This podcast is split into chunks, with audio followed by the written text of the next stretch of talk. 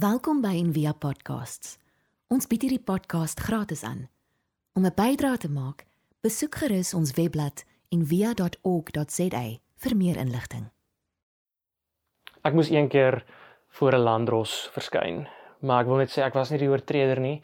Ek het 'n kwessie gehad wat ek nie self kon uitstrek nie en ek het gehoop die hof kan my daarmee help. So ek het self die hof genader, maar ten spyte daarvan dat ek die een is wat na die hof toe gegaan het, was dit nog steeds vir my 'n baie groot senuweeagtige ervaring gewees het. Ek was verskriklik op my senuwees en ek wou net seker maak ek doen alles reg en ek weet hoe werk alles.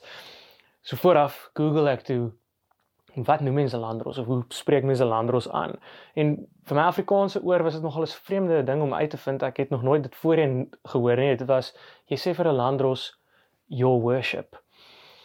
En met al hierdie kennis het ek toe nou op die dag van die hofdatum my netjies 'n baadjie aangetrek en 'n tas en 'n hemp en dit was regtig nie eens warm op daai dag nie, maar ek was so gespanne, ek het gesweet dwars deur my baadjie en alles. En ek het voor die landros gaan staan en ek het your worship gesê en ek het alles so reg as wat ek kon gedoen. Maar ten spyte van dit alles het sy so klein bietjie na my geluister en toe my saak uitgegooi. En ek dink dit was 'n deel van my wat gedink het as ek net alles reg doen, as ek net die regte goed sê en dit alles net presies doen, dan sal dit presies uitwerk soos wat ek wil hê dit moet. Maar dit het nie. Eintlik het al daai formaliteite en protokolle en die regte dinge om te doen my eintlik so op my senuwees gemaak dat ek nie my saak behoorlik kon stel nie. En ek wonder of aanbidding of jy weet soos your worship om te worship of te aanbid of party beelde daarvan nie ook dit kan doen nie. Dit kan baie keer as as ek 'n idee het dat worship net of aanbidding net hierdie formele ding is wat net op 'n sekere manier kan gebeur wat net deur hierdie sogenaamde regte kanale kan beweeg dan kan dit dalk iets ontneem van wat dit reg is om te aanbid.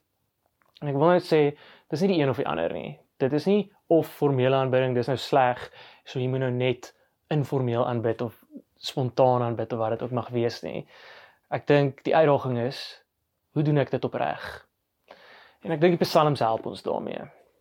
Ehm um, ons sien in hierdie psalms, soos Psalm 40 wat ons nou vandag lees, wat 'n psalm van Dawid is, op 'n stadium sê hy hy hy sou so graag wou vertel van hoe wonderlik God is. Ek sou so graag daarvan ek sou daarvan wou vertel en daaroor praat, maar is te veel om op te noem. So aan die een kant borrel daar hierdie lof uit van hoe wonderlik alles is. Maar wat nogal opvallend is vir my is vroeër in die Psalm noem hy nog steeds die slijmerige modder waaruit hy gered is uit die dood. En nou staan hy skielik op 'n hoë rots, maar dan aan die einde van die Psalm hoe hy afsluit, die heel laaste sinnetjie sê: "U is my hulp en my redder, my God, moet tog nie talm nie." So op 'n manier wil ek sê, dis 'n bietjie van 'n de mekaar spul, jy weet. Al gebeur aan die een kant is dit lof en dit is 'n loflied, maar ons nog steeds hierdie ding van, "Maar asseblief moenie moenie lank vat, help my." En dit alles, daai hele de mekaar spul. Dit is aanbidding.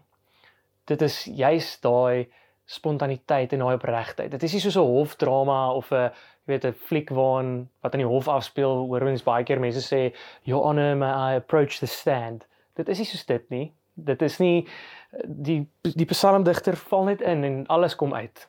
Dit is die lof en die gesmeek om hulp en alles, dit alles kom uit. Dis amper asof hy dit kan help nie en dit is hoe aanbidding is. Ons kan nie amper nie help om dit te doen nie. Net soos dat ek nie kan help om vir hulp te vra baie keer nie. As ek regtig in die moeilikheid is dan bid ek omtrent as tweede natuur. Net so is lof en aanbidding dieselfde. Dit dit kom net van self. Dit gebeur amper net. Nou, daar's 'n storie van 'n rabbi wat verskriklik getrou was, baie gedissiplineerd het hy elke dag gebid op die regte tye wanneer dit tyd is om te bid dan bid hy uit sy gebedeboek uit. En eendag haal die lewe hom in. Hy's besig met 'n afspraak of iets wat te lank aanhou en hy's nog op pad huis toe toe hy besef o, ja, nou dis nou tyd om te bid en ek het nie my gebedeboek by my nie. En hy val net daar neer in die stof en hy sê die alfabet op en hy sê vir God, Here, rangskik U die letters in die regte volgorde want ek weet nie hoe nie. En dit is baie mooi spontane oomblik van gebed, maar ons 'n deel van my wat ek wil gaan. Ja, yes, maar hoekom was hy in die eerste plek so afhanklik van die gebedeboek en hoekom moet hy nou nog die alfabet ook opsê? Maar tog dit wys tog vir ons iets van hoe opreg, hoe om opreg te bid. Om te sê weet ek weet nie eintlik altyd alles nie. Ek weet nie regtig wat ek doen nie, maar rangskik hierdie woorde. Dit herinner eintlik aan daai stukkie in Romeine wat sê dat die Gees, die Heilige Gees help ons ook om te bid wanneer ons nie self nie weet hoe nie. En die uitnodiging wat die psalms dan vir ons gee is om wanneer ons aanbid of dit nou formeel is of andersins die bedoeling is dan nie om een of ander formule te volg of 'n towerwoord wat nou skielik alles nou aanskoulik gaan maak nie. Eintlik is dit om so opreg te wees soos hierdie rabbi om te sê ek weet dalk nie maar dan help dit my om wanneer ek aanbid my weerlose menslikheid met deernis te aanskou. 'n goeie beeld vir my hiervan is die kunstenaar Tom Sachs. Hy maak kuns maar uit doodgewone goed. Soos goed wat jy in 'n hardeware winkel gaan koop soos shutter ply en uh insulation tape en gewone gom en skroewe en spuitverf en al daai goeders. Regtig goed wat uit 'n hardeware winkel uitkom. En een van sy projekte is 'n space program en wat hulle gedoen het is hulle het die uh, NASA se Apollo maantuig wat moes maan toe gaan 'n replika daarvan gebou uit hout en uit hierdie normale materiale. En ten spyte daarvan dat hierdie ruimtetuig nooit van die grond af gaan kan opstyg nie, het hulle dit regtig ernstig opgeneem ook. Of ek wil eintlik sê hulle het dit regtig opreg gedoen. Hulle was soos nee maar die ruimtevorders gaan 'n ruimtepakke kry en hulle moet ehm um, opleiding kry en ons gaan 'n beheerkamer hê en ons gaan sekere prosedures wees wat in plek is vir die dag wanneer ons nou ruimte toe gaan. En hy sê op 'n manier voel dit vir hom hy het eintlik hy dink hy het hy was maand toe. hy was maand toe want hy hy het regtig alles gedoen. Dit het vir hom so so opreg en so so wat sal ons sê autentieke ehm um, ek weet nou nie mooi woord of vir hom maar vir hom so opregte ervaring geword dat hy eintlik voel hy was maand toe. Of as dit nie vir sin maak nie. Iemand wat ruimte toe gaan sonder om ruimte toe te gaan is dalk bietjie vreemd. Kan mens ook sê uh, of kan ons ook kyk na 'n ander ding wat hy gedoen het. Hy het 'n skildery in 'n galery gesien en die skildery het met hom gepraat en hy het net geweet hy wil hierdie skildery hê. Hy moet hierdie skildery hê. En daar was twee maniere hoe hy dit kon kry. Dis 'n ongelooflike duur skildery, hy sou nooit self kon bekostig nie. So die eerste manier is hy kon op 'n manier befondsing kry. En hy het gesê hy weet hoe om befondsing te kry. Hy sou seker iewers kon gaan geld kry om op 'n manier tog die ding te koop. Maar dis eintlik nie sy styl nie. Hy's iemand wat hy maak goed. So toe besluit hy hoekom maak hy nie ook sy eie weergawe van hierdie skildery nie. Eintlik ook 'n nabootsing, soos die nabootsing van die ruimtetuig. En dit klink dalk, nou maar is dit nou nie soos plagiaat of wat ook al nie, is dit eintlik bietjie oneties nie, maar hy het dit vir homself gemaak, hy het dit gemaak om te verkoop nie. En die ander ding is, hy sê toe hy nou besluit hy gaan hierdie skildery maak en namaak, het hy weer besluit hy gaan die materiale gebruik wat hy altyd gebruik, hout en tape en al daai dinge. En dis hoe hy dit gaan maak op sy manier, maar dit het hom gedwing om regtig daai oorspronklike skildery intiem te leer ken. Hy het ure en dae gaan spandeer in die galery waar hierdie skildery hang om regtig te sien wat is die eienskappe van hierdie skildery. En hy sê iemand het op die ouene daai skildery gekoop en ek dink geskenk vir 'n ander galery of iets soos dit. Hy sê maar hy dink hy ken daai skildery beter as wat die daai persoon dit ken. Eintlik is hy nader aan daai skildery as wat die persoon wat dit gekoop het is. En dis nou nogal iets wat dit ons doen as ons kan sê wanneer dit ons ophou sing, wanneer dit ek ophou sing, dit is wat sang ook vir, vir my doen. Dit is wanneer wat aanbidding kan doen. Dit is om te sê, weet jy wat ek dis eintlik maar al wat ek het. Ek het net hierdie hout en hierdie tape en hierdie bietjie gom en skroewe en wat ook al. Dis al wat ek het, dis maar eintlik net om te sing. Dis mooi in vers 7 sê hy, dis nie diereoffers of graanoffers wat u wil hê nie, nie brandoffers of sonneoffers wat u vra nie, u wil gehoorsaamheid hê. Die hele Psalm is eintlik so half 'n beeld van sy gehoorsaamheid om te sê ek sing nou maar, want dit is al wat ek kan doen. Um my sang kan nie 'n duik maak in hierdie onmeetbare heelal van ons nie. Dit is eintlik so klein bietjie nutteloos wil ek sê.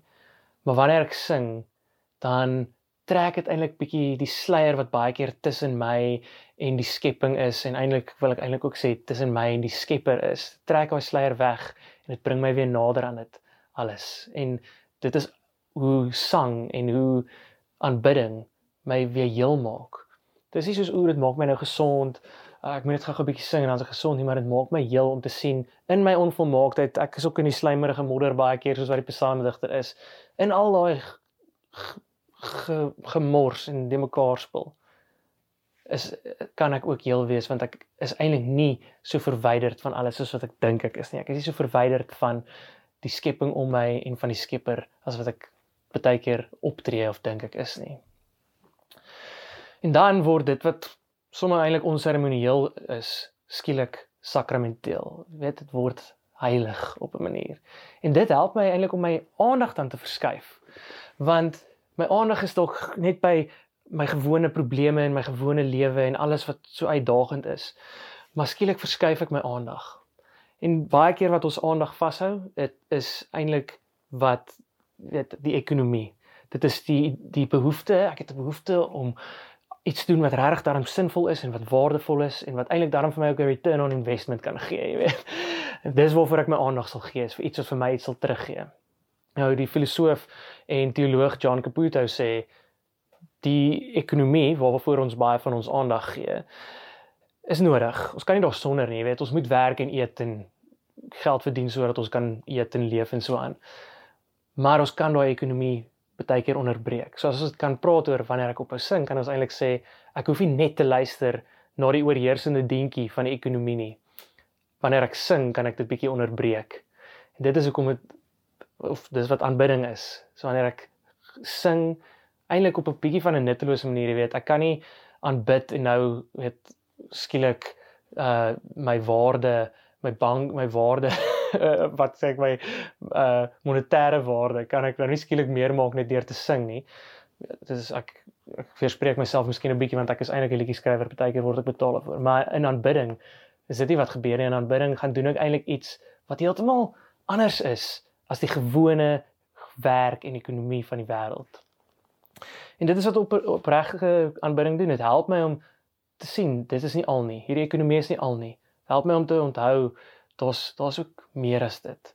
En ehm um, wat vir my eintlik so mooi is is in vers 18 is waar die psalmdigter sê ek is hulpeloos en arm, maar die Here dink aan my. Dit is vir my so mooi want dit is so opreg weer eens om te sê eintlik eintlik het ek nie waarde wat ek kan toevoeg nie. Ek meen wat kan ek nou eintlik doen? Jy weet ehm um, ek ek kan dalk waarde by die werk toevoeg en waarde hier en daar toevoeg. Ja, definitief, dis reg, maar in die groter prentjie, wat kan ek nou eintlik doen? Ek is eintlik hulpeloos en arm, maar die Here dink aan my. Want by God geld die gewone ekonomie dikwels nie.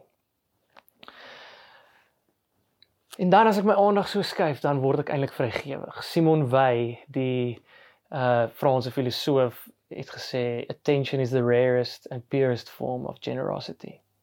Wanneer ek my aandag gee vir iets anders, dit is aanbidding wanneer ek leer om vrygewig te wees. Want soos ek aan die begin gesê het, aanbidding is eintlik iets wat ons kan net help dit gebeur omtrent net. Maar dit maak nie saak nie. Dit is wanneer ons ons aandag vrygewig gee, wanneer ons regtig opreg begin aanbid, jy weet. Partykeer gee ek my aandag vir allerlei ander goeders, maar wanneer ek vrygewig raak met my aandag, dis wanneer ek my aandag regtig weggee vir ander mense sonder om iets terug te verwag. En dit bring my ook nader aan God. Nou, ek het gepraat oor ek wat 'n liedjie skrywer is en 'n ander liedjie skrywer, Bono, die ou van U2. Hy is ook baie lief vir die psalms en hy het hierdie mooi ding gesê wat nogal raak vat wat sê why do we need the lyric poetry of the psalms of the psalms? Why do we now? Because the only way we can approach God is if we're honest through metaphor, through symbol. So art becomes essential not decorative. So dis die ding, hierdie vreemde nuttelose ding wat ons doen, hierdie aanbidding wat so half nie regtig inpas by die gewone stand van sake in ons wêreld nie. Want ons doen dit eintlik want dit is noodsaaklik. Dis nie net vir die mooiheid nie. Dit is noodsaaklik. Dit is ook mooi, maar dit is dit is noodsaaklik want dit help ons soos ek sê om weer opreg te kyk na ons menslikheid en om op daai manier nader aan God te kom. En dit is waar daar die onderskeid tussen formele aanbidding soos wat ons in 'n die diens doen of spontane aanbidding. Dit is waar daai onderskeid eintlik dan bietjie begin verdof wanneer ons dit opreg doen. Wanneer ons opreg weer leer sing, dan maak dit nie meer saak of vir die een of die ander is nie. Amper soos daai rabbi, hy het amper geoefen elke dag om te bid en toe kom daar 'n dag wat hy nie sy gebedeboek by hom het nie en toe bid hy nog steeds opreg. Dis wat ons doen in die liturgie. Ehm um, 'n liturgie is jy weet die verloop van die erediens, jy weet nou steek ons die kers aan, nou sing ons iets, nou word ons stil, nou bid ons ensovoorts. Dit is liturgie, maar die werklike betekenis van liturgie of die letterlike betekenis van liturgie is die werk van die mense. Dis ons werk. Is om te sing. So ek wat 'n liedjie skrywer is, wat baie keer al gehoor het wat, is jou regte werk of myself al gevra het wat is jou regte werk? My regte werk is om te sing. My regte werk is om te aanbid. Baie teoloë verwys na die liturgie, na die liturgie. Dis asof ons in die liturgie iets probeer uitbeeld van hoe ons hoop ons wêreld kan wees en dan wanneer ons uit 'n liturgie, uit 'n diens uitstap, dan is ons in diens van daardie liturgie. Ons probeer om dit 'n werklikheid te maak ook op klein maniere in ons alledaagse lewe, in ons gewone werk, doen ons die werk van die mense ook. En Mat sê dit op 'n mooi manier. Sy vertel van 'n ou wat sy ontmoet het wat op pad na herstel was van verslawing af. Hy sê hy het opgedaag by sy herstelpad van verslawing as 'n hotshot, maar nou het hy homself daarmee opgewerk na dienskneg. Dis wat aanbidding vir ons doen. Dit sit ons weer in die posisie van 'n dienskneg vir ander en vir God en dan maak dit ons vrygewig. Kom ons bid saam. Here leer ons om te sing met die bietjie wat ons het, maar ook met alles wat ons het. Amen. Baie dankie vir almal se finansiële vrygewigheid. Dit maak wat ons doen by Envia moontlik. As jy nou wil gee met SnapScan, is jy welkom. Die SnapScan kode is op die skerm of as jy op 'n ander manier wil bydra, gaan kyk op ons webblad. Daar kan jy sien wat die ander maniere is wat jy kan bydra. Dankie, ek hoop jy het 'n lekker dag. Ons hoop van harte jy het hierdie podcast geniet of raadsaam gevind. Besoek gerus en via.ok.za vir meer inligting.